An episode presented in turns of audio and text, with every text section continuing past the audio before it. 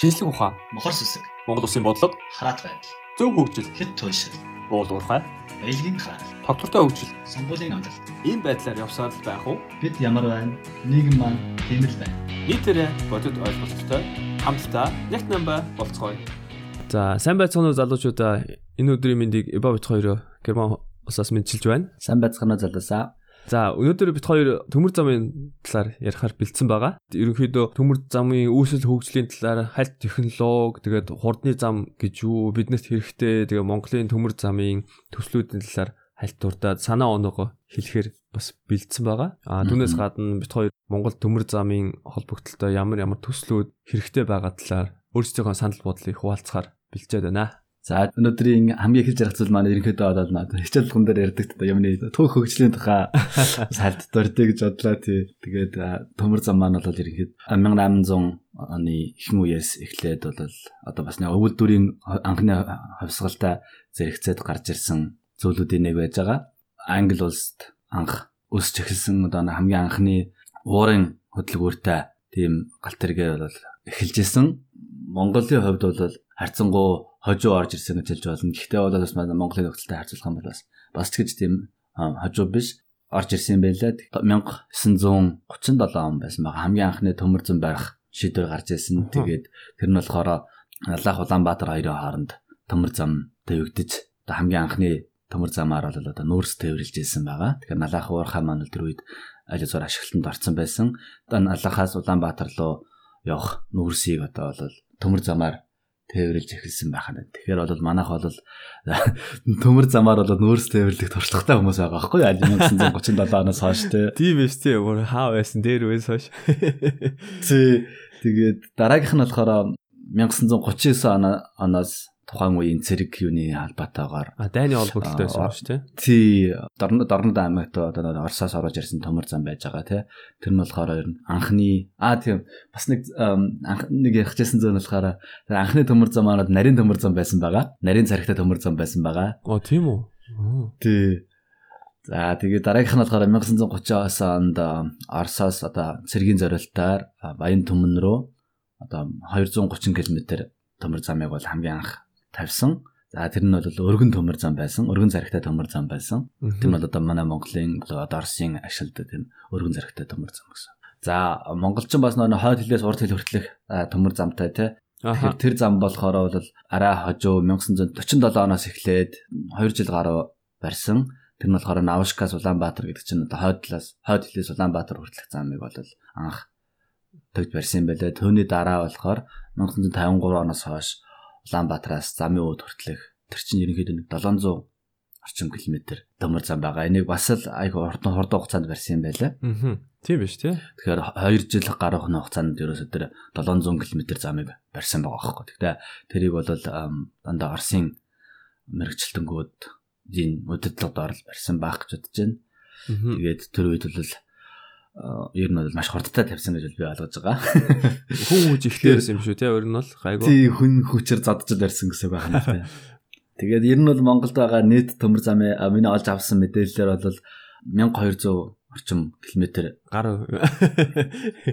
гаруй ч юм уу тийм төмөр зам Монголд байдгаа гэж битсэн байлаа. Тэгэхээр миний бодлоор бол яг эндээ бол босд жижиг уурхаагаас төрөөгөө холбогдсон замуудыг оруулах юм бол бас арай илүү болох болов гэж таамаглаж байна. Тэгээ дээрэс нь одоо баригдаж байгаа замуудыг нэмэх юм бол бас бүр илүү урт болох байх гэж байна. Үү. Сонирхолтой хэлэхэд нөгөө Герман тавигдсан төмөр замын дурт нь 33 мянган километр юм байна гэж би тэр харсан байгаа. Аа тэгээд энэ болохоор юу шүү нэрээ 33 мянган километр төмөр зам зөвхөн улсын эзэмшлийн зам гэх юм уу. Тэрнээс гадна бас нэмэлт зөндөө хувийн замууд байгаа гэх юм. Тэрийг оруулаагүй зам замнууд нь.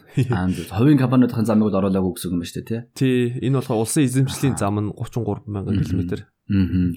За тэгээд манай анхаа маань болохоор одоо Германы төмөр замын компанид бол ажилдаг байгаа. Тэгэхээр бас төмөр замын энэ чиглэлд бол бас илүү мэдээлэлтэй бас мэрэгжлийн шахах хүн байж байгаа. Тэгэхээр чи бас төмөр замын энэ технологи төмөр зам ерөнхийдөө ямар шаардлагатай байдгүй ямар технологиуд байдгүй талаар бас хайлтж нэг жоохон тодруулж яриач. Аа. За тэгээ ба.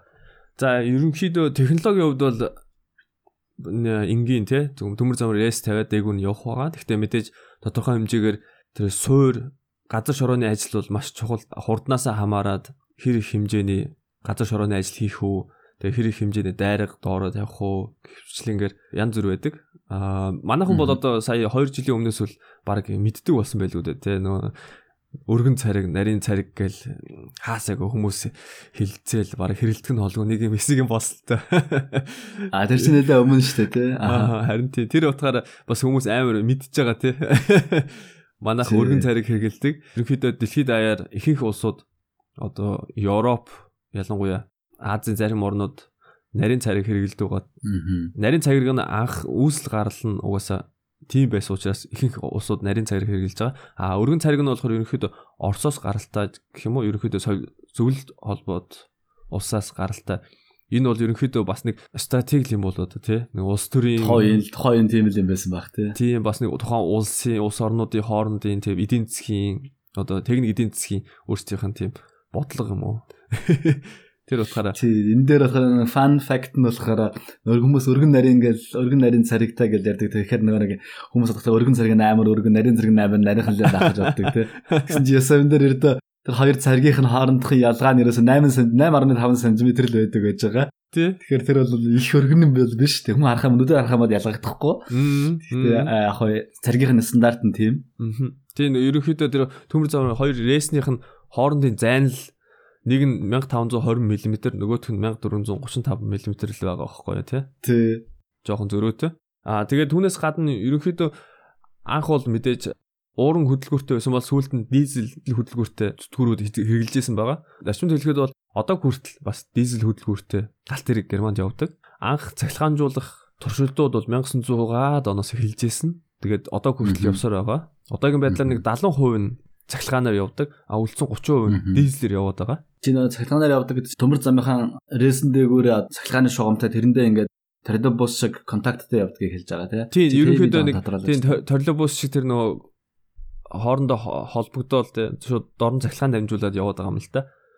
Тийм тэгэхээр зүтгүүр нэг эвэр шиг юмтай гэсэн үг шүү дээ. Тийм ерөнхийдөө нэг тийм босаа төмөртэй тий. Тэр нь дэшээ доошоо болдог.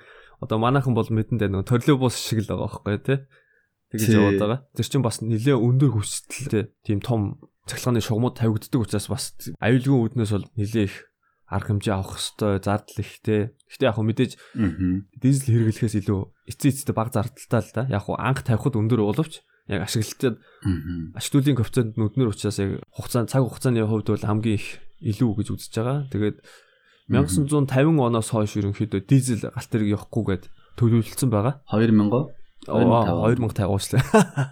Малрагч шүү дээ.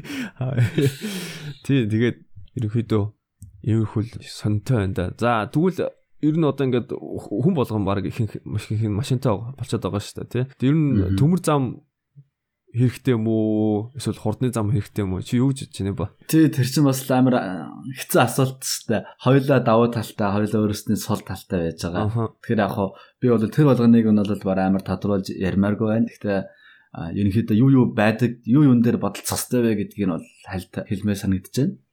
Тэгэхээр хамгийн ихэнд яригддаг зүйл бол санхүүжилт, төмөр зам тавихад ямар зардал байдгийг эсвэл хурдны зам боيو одоо асфальтын зам тавихад ямар зардалтай байдгийг. Тэгээд өөр нэг зүйл нь болохоор ашиглалтын хугацаа байж байгаа.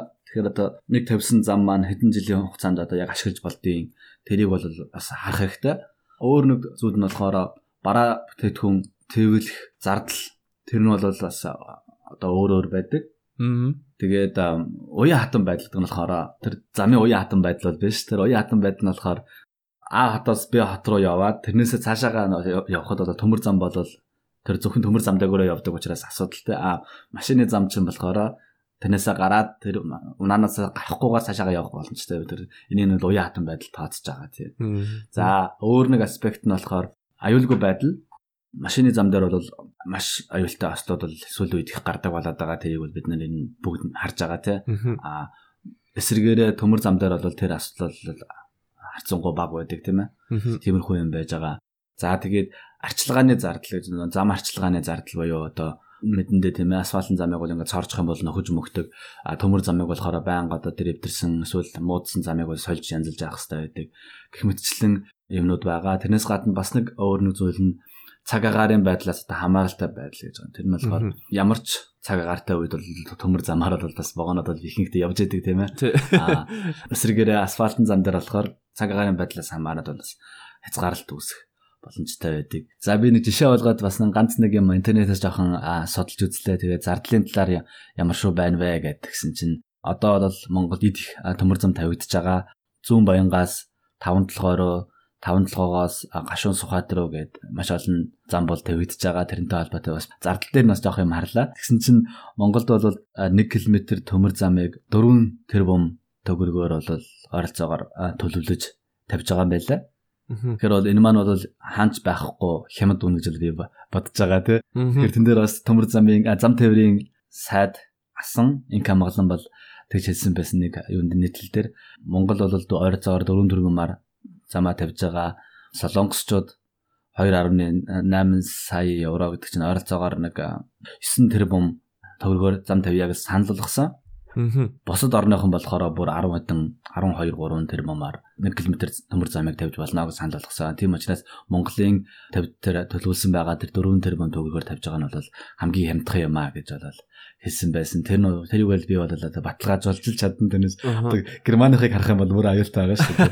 Германы 1 км төмөр зам тавих зардал чинь бүр бараг 50-аас 100 тэрбум тийм ээ. Төгрөг болоод байна шүү дээ.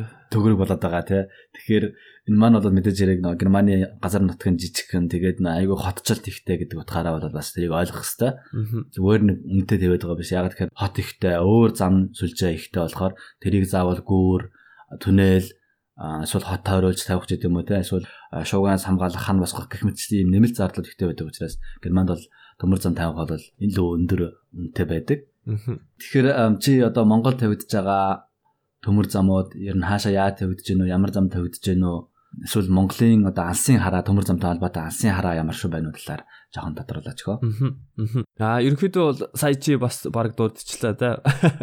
Уурхай хооронд Монголын нөгөө үйлдвэрлэлийн үйлдвэрлэлийн комплекс үл юу лээ тэр нэг сайн шанд хийгдэж байгаа чинь хүнд үйлдвэрийн комплекс тийм хүнд үйлдвэрийн комплекс. Тэрийг л холбох гол төрөл бүрийн төмөр зам тавиад байгаа юм байна шүү дээ тий. Ер нь бол.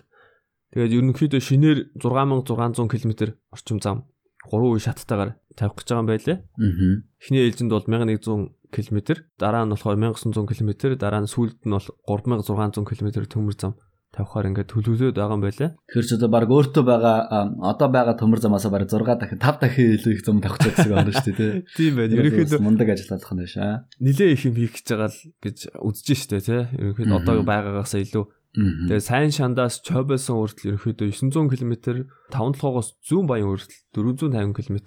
Тэгээд 5 толгоогоос дахиад урагшаа хил хүртэл 250 км. Гэх мэтлэнгээр олон том төслүүд явж байгаа юм байна.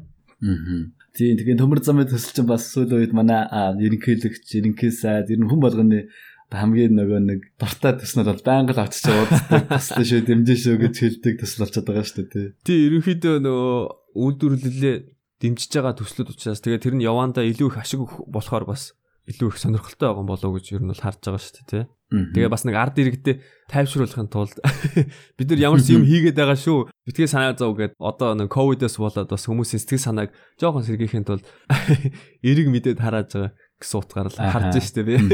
Тийм бах тий.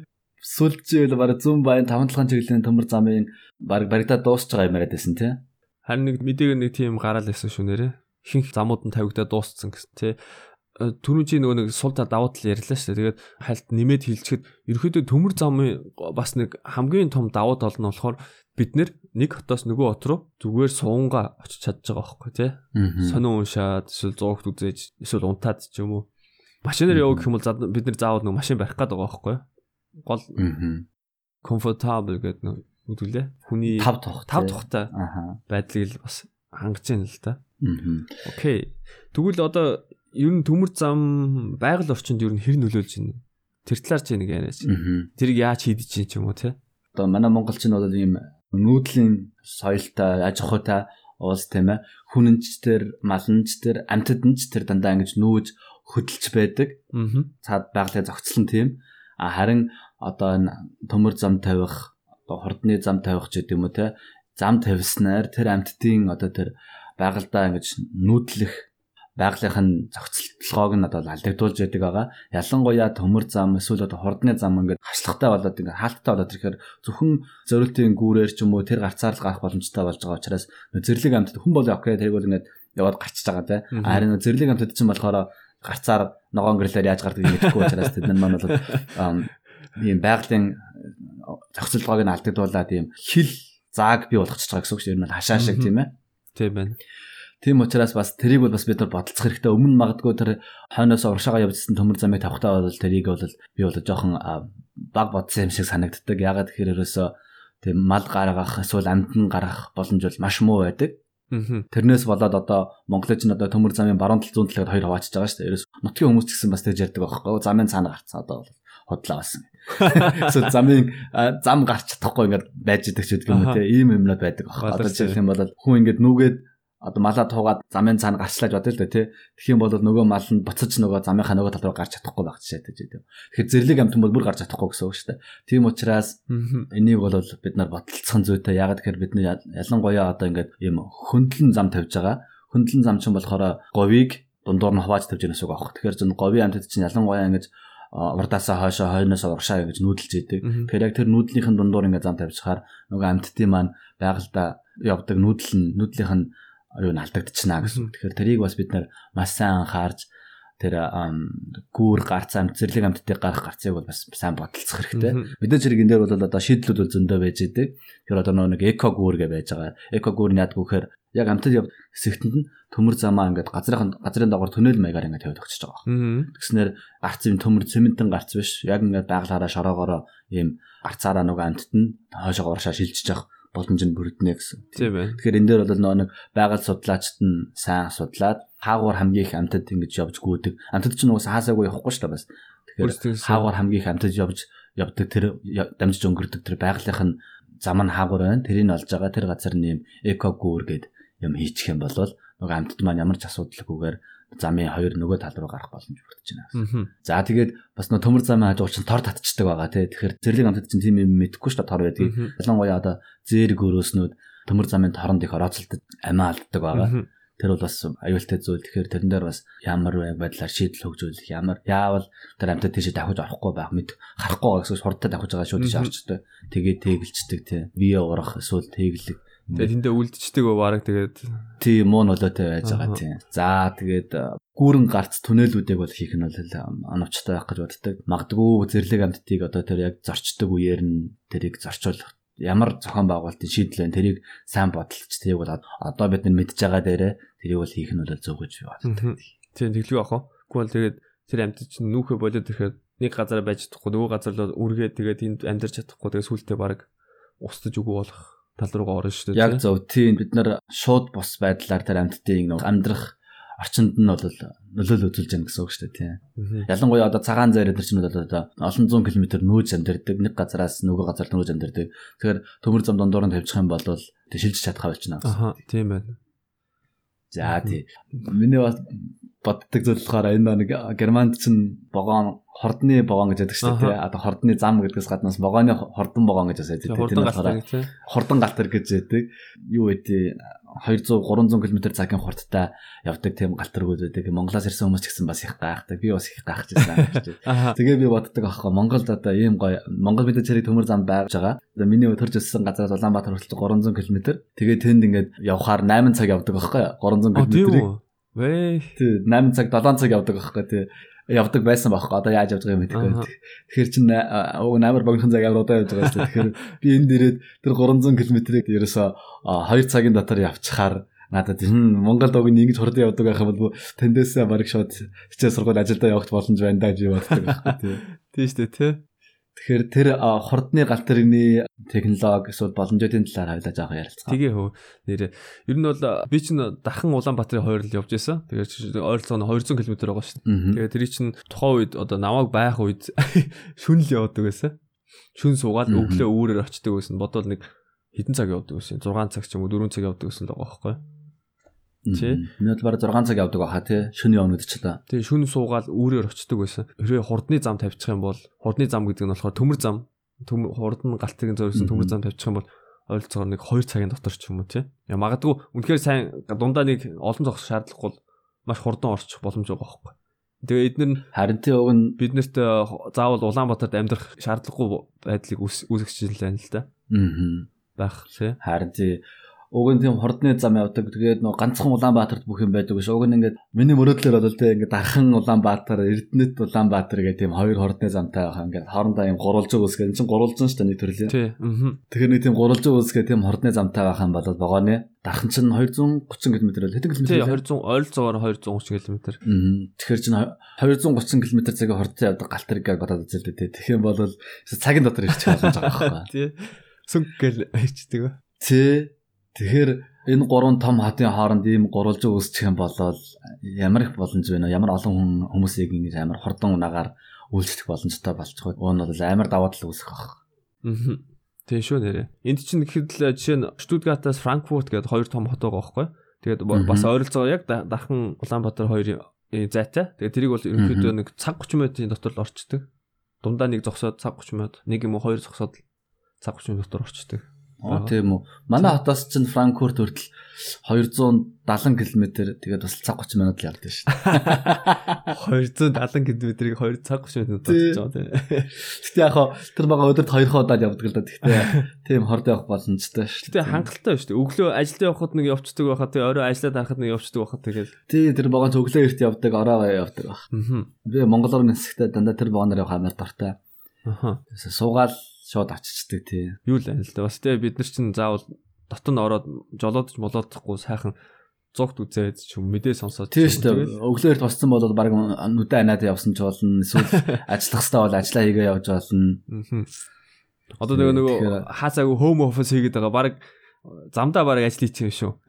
Тий шүү дээ. Тэр чинь бүр ширээ мэрэтэй бүр ажил хийдэг тусгай чимээгүй хэсэг гэдэр бас байдаг шүү дээ. Тий нөгөө гэр бүлийн хэсэг чимээгүй байх хэсэг гэ тус тустай Тий. Тасагтай бас дотроо бүр ресторантай тий. аа хоол идэж болно тий. зарим нь пи уугаа сууж лээд юм байлээ гэсэн. Гэхдээ хордны галт хэрэг явдаг төмөр зам маань болохоор бас зүгээр төмөр замын удаад илүү тусгай шаардлагуудыг болоод биелүүлсэн байх хэрэгтэй байдаг тий. Тэрний талаас чинь жоохон тодорхойлооч. Аа тэгээ хөө. Хамгийн түрүүнд бол а, суурай сайн хийх хэрэгтэй л байгаа л та. Яг гэвэл тэр чинь 200 300 км цагийн хурдтай тийм хүнд галт тэрэг явж байгаа учраас тэр нь- тэрийг ингээс даах, дийлэх. Тэгээ тэр чинь бас огцом тоормцлоход бас тодорхой хэмжээний дараалт төрөл бүрийн хүчнүүд байгаа. Тэр бүхнийг тооцоод замаа сайн тавиад тэгээд тодорхой хэмжээгээр нөгөө э, өргөлт биш. Хоёр төмөр замын рейс ч одоо нэг төвшөнд байлаа гэж бодоход хэрвээ бид нэр жоохон ирэхээр бол гадна талын рейсээ жоохон өргөөд Аа, нэг тойрог дээр гэсэн үг. Жоо налуу болж өгөх дээ зам нь тий. Тийм тойрог дээр тэгэж далзам налуу болгож өгөх. Тэгжээж Мгм. илүү хурдан явж чадж байгаа юм да. Гэх мэтлэн тэр бүхнийг ингээд анханасаа тооцоод зургийг гаргах хэрэгтэй байгаа юм л да. Одоо бидний мэрэгжил бас хамгийн их чухал Тий. болоод байна л да тий. Хэмжил зүүн үүднээс Тэрийг бол одоо нэмжлэхэд манай анхаа манаалаг тэр хэмжих ажлыг бол хийдэг байгаа. Тэгэхээр тэрийг өчиг сайн мэдж байгаа тий.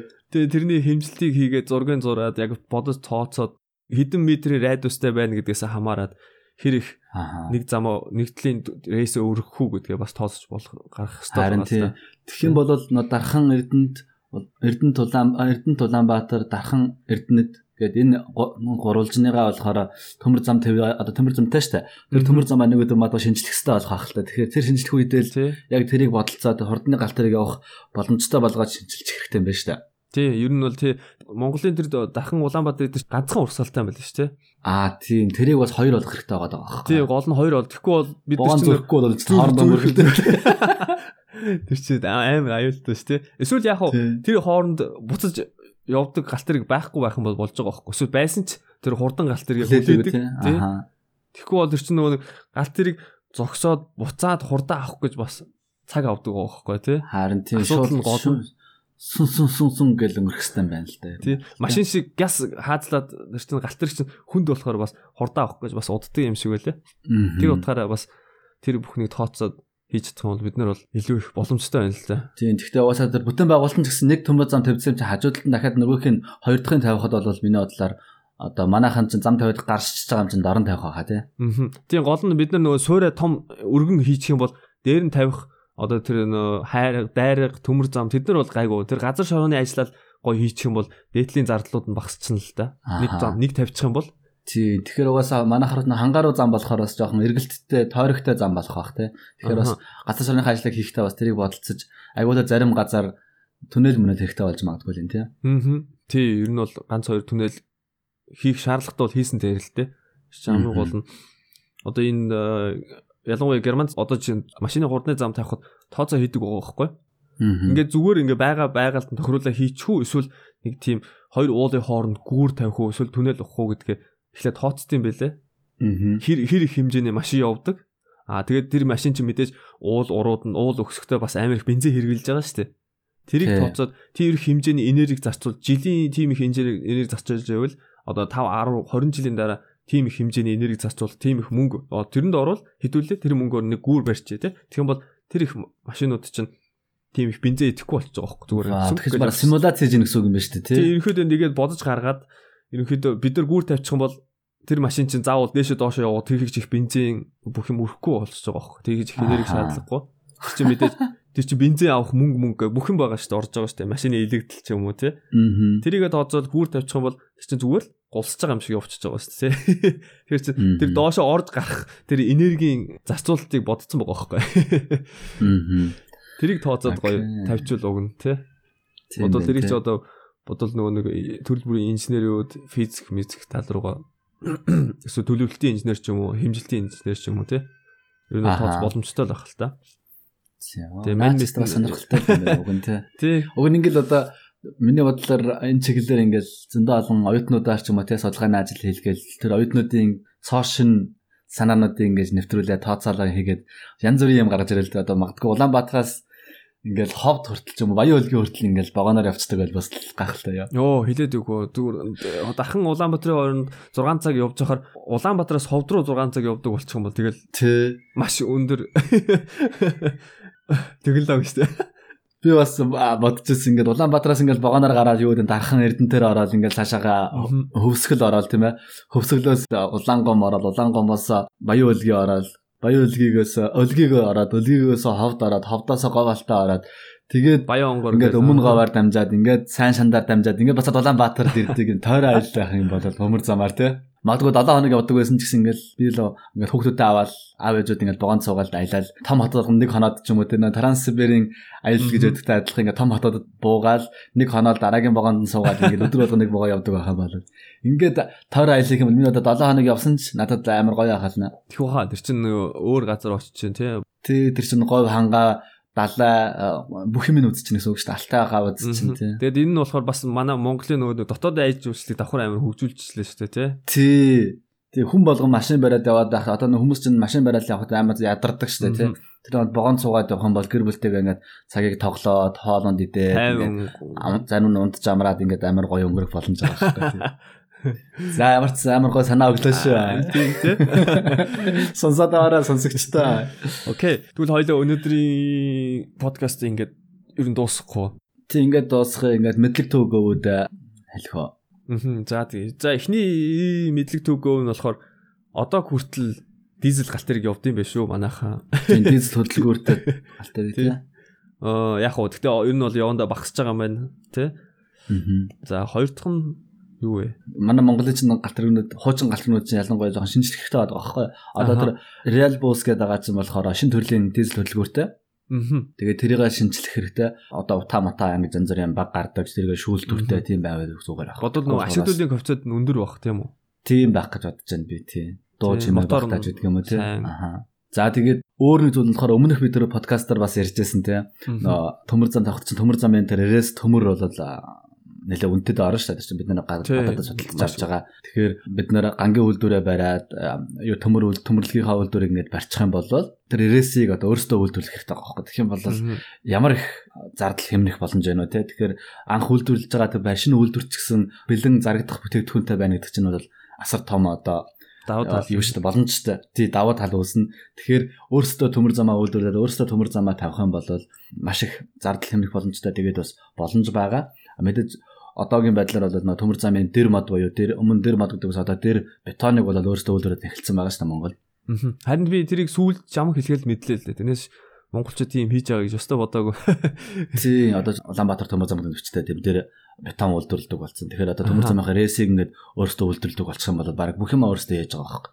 Тэгэхээр зардал хэмнэн төмөр зам тавих зардал багасна. Тэгээ бид нар бол маш хурдтайгаар их олон километр төмөр зам тавих боломж бүрдээд өөрөө өөрөөсөө тэндээс амар том өртөг бий болсон бий болгож байгаа. Тэгэхээр бас их гоё. Тийм байна тий. Тий, даваа тал үүс. Ядчил өөрсдийнхөө хэрэгцээг ханх хэрэгтэй л байна л та. За тэгээд төмөр зам тавих маань буцаад өөрөө байгаль орчинд их эерэг бол таарж байгаа. Яг тэгэхээр их хэмжээний барааг эсвэл хүн тээврийг одоо баш мах зардлаар хийх боломж бүрдэж байгаа. Тэгэхээр байгальд хайж байгаа нүүрс төрөгчийн хий бол багасна. Тэгэхээр энэ маань өөрөө модноос гараад байсан төмөр зам маань айгүй сүүл үед буцаад Европын улсууд ч гэсэн тэр өндөр хөгжилтэй улсууд ч гэсэн тэр буцаад айгүй модонд орж байгаа. Тэгэхээр бид нарын одоо энэ төмөр зам тавих гээд ингэж ажиллаж байгаа юм маань бол их цаг уяа олсон зүйл байж байгаа. Аха. Тийм байна. За тэгээд ер нь бол ингээд бит хоёрын өнөөдрийн подкаст ингээд дуусч байна. Тэгээд энэ хүртэл бид тэрийг төвчээртээ сууж сонссон та бүхэндээ баярлалаа. Тэгээд дараагийн дугаараар олзтлаа. Баяртай. Баяртай. Ийм байдлаар явсаар л байх уу? Бид ямар байна? Нийгэм маань тийм л байна. Нийтээрээ бодит ойлголттой хамтдаа нэг намба болцгоё.